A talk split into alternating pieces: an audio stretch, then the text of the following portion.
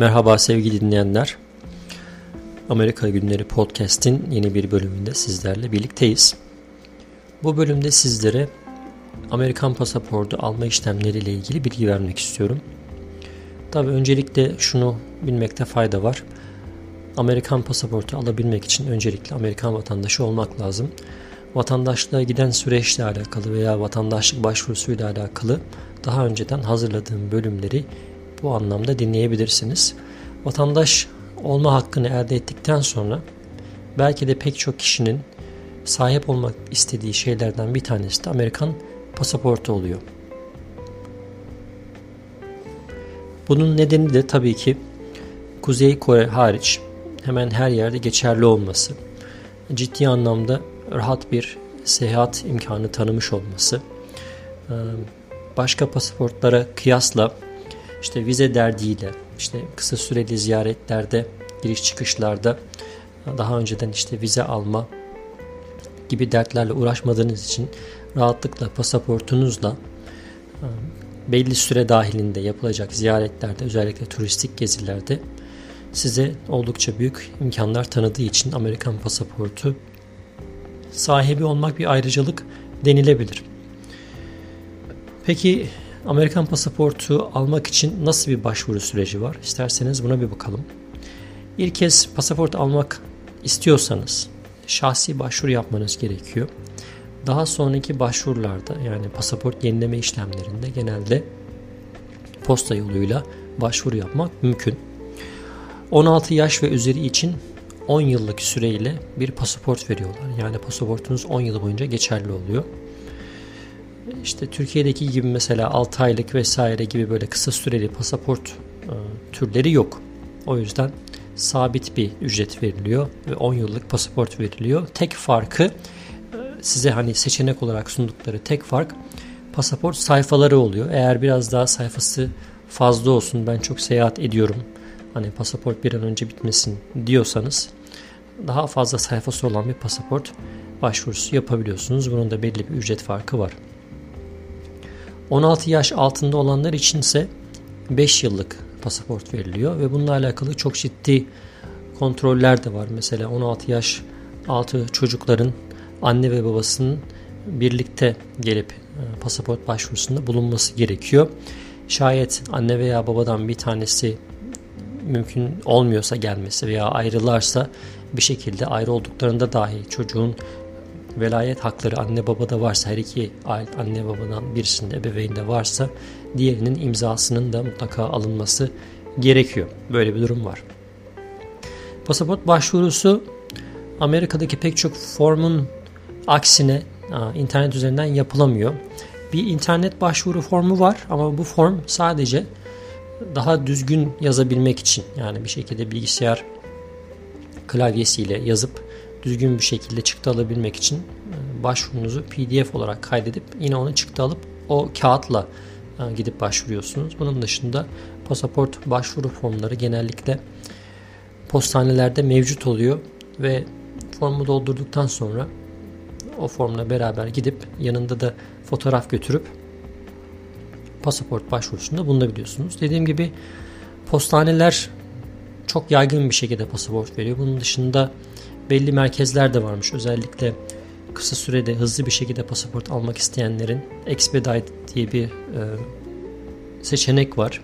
Hani çok hızlı bir şekilde ülkeyi terk etmesi gereken veya acil bir işi çıkan insanlar için hemen hızlandırılmış başvuru süreçleri var. Bunlar için de e, pasaport merkezleri diye bilinen belli şehirlerdeki, büyük şehirlerdeki e, merkezlere gitmeleri gerekiyor insanların.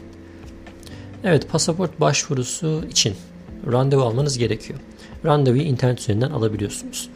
Postanelerin güzelliği hafta sonu da çalışıyor olmaları bu anlamda e, hafta içinde yoğun bir iş temposu olan kimseler pasaport başvurusu için hafta sonunda randevu alabiliyor. Resim de orada çektirilebiliyor ama benim özellikle pasaport başvurusuyla alakalı e, tavsiye olarak sizlere aktarabileceğim bilgiler şu şekilde. Birincisi postaneler yerine göre değişmekle birlikte bazı postanelerde görevli kişi sizi odasına alıp işlemleri orada tamamlayabiliyor. Mesela ilk e, pasaport başvurusunda biz böyle bir şey yaşamıştık. Ama geçen gittiğimizde pasaport başvurusu için e, randevu yerinde olduğumuzda normalde postanede gişede bekleyen memurun bizim işlemlerimizi yapacağını öğrendik. Bu şu anlama geliyor. O esnada postaneye gelen özellikle de hafta sonuyken e, sadece bir görevli varsa bütün müşteriler ya sizi beklemek zorundalar ya da siz müşteriyi beklemek zorundasınız. Neticede pasaport işlemleri özellikle de fotoğraf çektirmeden gittiyseniz postaneye uzun sürebiliyor. Bu yüzden memur işte sizin formlarınıza bir bakıyor. Sonra müşteri geliyor müşteriyle ilgileniyor.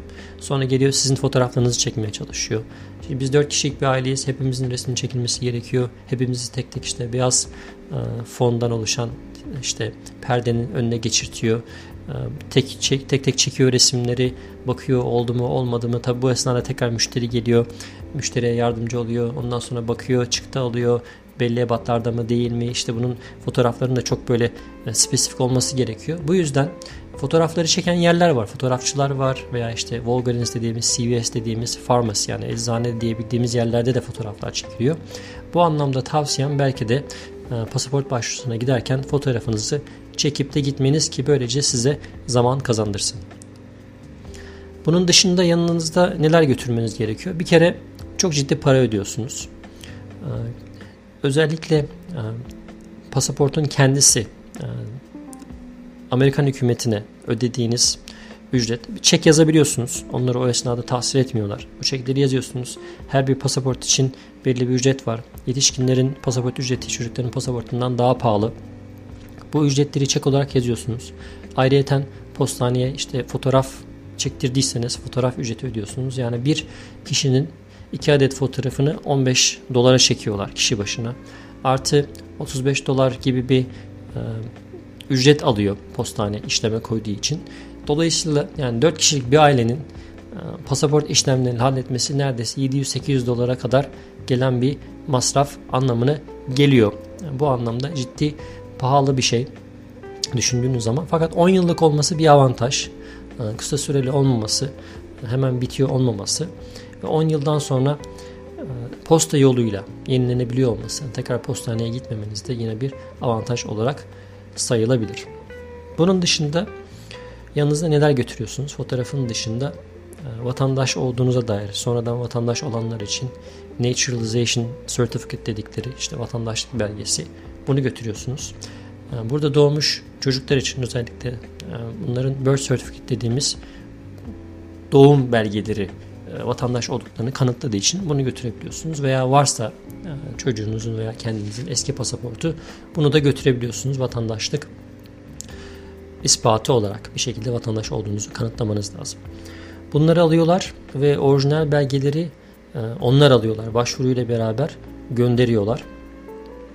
Size fotokopilerini veriyorlar herhangi bir e, kaybolma durumunda e, hak beyan edebilirsiniz diye. Sonra bu belgeleri alan görevli hepsini güzelce bir şekilde formlara koyuyor sizin gözünüzün önünde. Sonra bunları ilgili kuruma gönderiyorlar. Daha sonra artık takip süreci başlıyor. İnternet üzerinden pasaport başvurunuzu takip edebiliyorsunuz. Normal bir başvuru hızlandırılmamışsa dediğim gibi ek ilave ücret ödemediyseniz normal bir e, süreçte bitmesini istiyorsanız 6 ila 8 hafta arasında bitiyor diye söyleniyor ama 4 haftadan sonra size bir cevap geliyor. E, işte pasaport başvurunuz olumlu sonuçlandı. Kısa zamanda hem pasaportunuzu hem de vatandaşlık belgelerinizi e, ayrı ayrı postada alacaksınız diye. Bu da ilginç bir şey. Yani posta yoluyla geliyor size pasaport. E, posta işlemlerinin, posta hizmetlerinin ne kadar güvenilir olduğu veya insanların bir şekilde itimat ettiğinin de bir göstergesi. Tabii ayrı bir zarf içerisinde böyle daha korunaklı bir zarf içerisinde daha itinalı bir şekilde size teslim ediliyor diyebiliriz. Evet genel olarak pasaport başvurusuyla alakalı anlatacaklarım bu kadar. Tekrar görüşmek dileğiyle.